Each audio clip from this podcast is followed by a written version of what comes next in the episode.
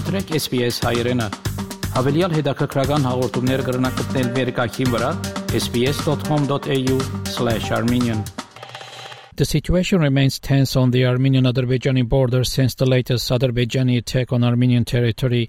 The Armenian National Committee of Australia works hard to raise public awareness and urge the government to condemn the attack. ANCA's Executive Director Michael Kolokosian is our guest today to talk to us about ANCA's advocacy work. Michael, welcome to SBS Armenian. Thanks, Vahe. Thanks for having me for today. Uh, Michael, let's start with the latest, the correction in the Australian newspaper. What's the story? Yeah, so um, we recently saw the Australian, which is a major newspaper outlet in Australia, release an article in regards to Armenia and Turkey, uh, the bilateral relations and the, the ongoing negotiations regarding uh, the border between Armenia and Turkey and the re-establishment of ties between those two countries. Um, the Australian had picked up an article from the AFP, which is a, a major international news outlet, and uh, whilst in the article it discussed uh, Armenia and Turkey's relations, it failed to note why there was discourse between the two countries, and it, it uh, failed to acknowledge that that was because of the Armenian genocide. So the article published by the AFP, AFP accurately informs its audience on the fundamental rift between Turkey and Armenia. Uh, however, the Australian uh, edited out reference to the relevant line in its publication, leaving out the Armenian genocide. So the Armenian National Committee of Australia appealed to the editor-in-chief, Christopher Dore. We wrote a letter on behalf of the Armenian Australian community raising concerns in regards to the article, which was uh, titled Turkey's Erdogan sees opportunity to mend Armenia ties. And we raised that um, the genocide was edited out. Now, um, the Australian editor in chief's colleagues have responded to us and uh, they noted the community's concerns and they have republished the article with uh, the correct reference to the Armenian genocide. So, for the ANC and our community, uh, we won't tolerate, under any circumstances, any censorship on the Armenian genocide by any Australian media outlet uh, because this is simply a policy of genocide denial that's undertaken by the Turkish state. So we are pleased that the Australian has uh, outlined that this was an error. They they called it an error and a glitch, and, and they've uh, reevaluated that and published the full article.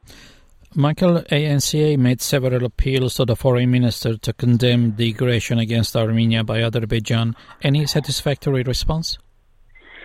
Uh, well, Vahe, um, the, we, we have remained in contact with the Foreign Affairs Minister. We have sent her two appeals now regarding the situation in Armenia and the ta- attacks on the sovereign borders of the Republic of Armenia, the attacks on civilian settlements, civilian infrastructures, uh, well inside the, the Republic of Armenia.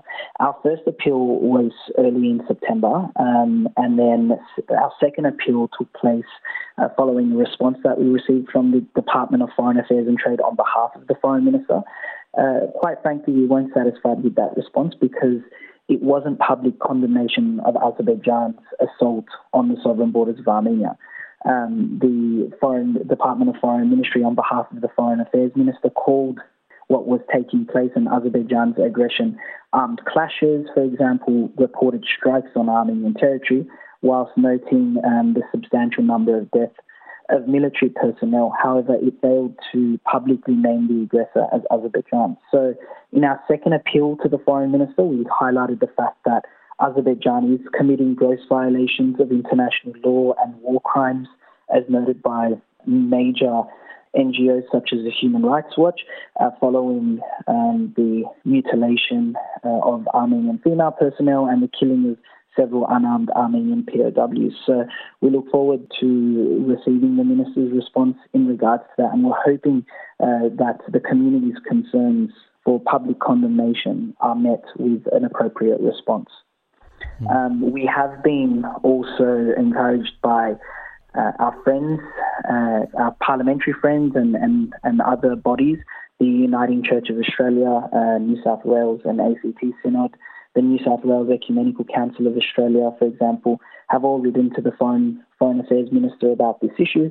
And uh, parliamentarians, the likes of Paul Fletcher, the member for Brad, Bradfield, and, and Kylea Tink, the member for North Sydney, have also risen in the Parliament raising concern about this matter and uh, have done 90 second private member statements respectively. Hmm. Michael, on, on several occasions, ANCA had raised the issue of the Australian Defence Attache's visit to Shushi. Any adequate response from the Foreign Ministry?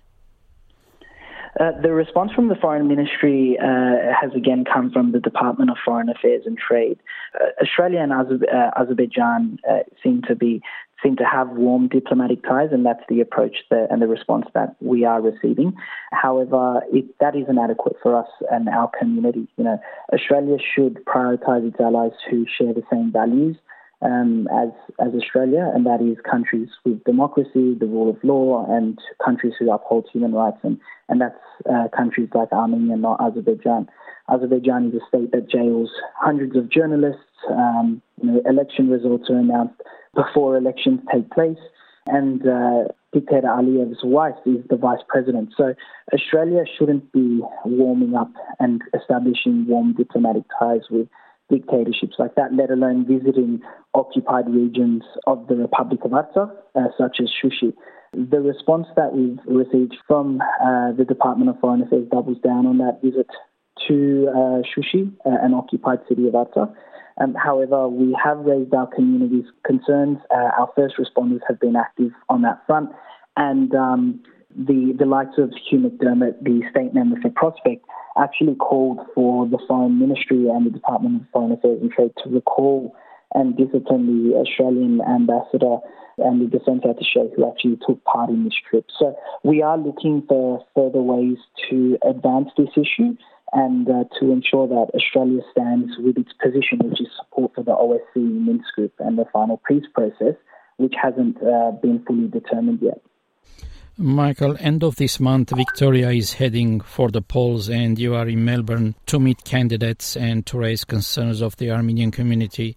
So, what meetings you had so far? Uh, thanks, Vahe. Yeah, we've um, we've been meeting. We were here a couple of weeks ago as well, so this is now my second time in Melbourne. I'll be here for the the entire week. Uh, uh, on our previous uh, delegation to Melbourne, we met with uh, candidates who were running in Armenian populated electorates.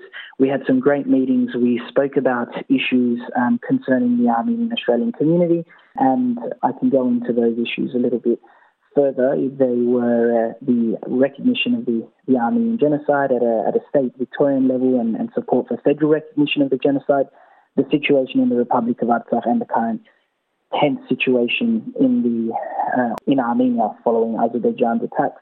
Um, my visit this time, though, um, in all those meetings that we held, we are now actually meeting candidates who are running for seats in Assyrian and Greek populated electorates and electorates where there may also be, you know, Armenian Australians living in, you know, electorates across Victoria, so not necessarily just the Armenian populated electorates. We want to make sure that we're providing Armenians all across the state with, you know, viable responses to where their candidates stand on on the issues that concern them. So, for example, we've been meeting with candidates in the in hotly contested seats, key seats in this election, whether that's in Caulfield, Kew, Sandringham, Brighton, Northcote, Albert Park, for example. Uh, they, they're the key seats where which are being targeted by different parties, but also the Armenian electorates of Clarinda, Mulgrave, and Glen Waverley, and so on.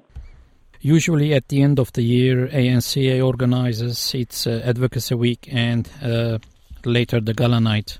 So, what's the Advocacy Week's theme this year? Will you host the Youth Advocates uh, program in Canberra again?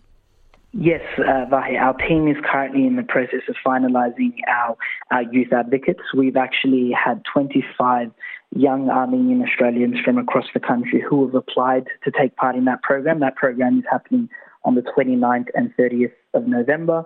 We'll be taking them to Canberra to participate in advocacy workshops, teaching them you know, what the ANC does and, and providing them with the opportunity to understand the political process a little bit better.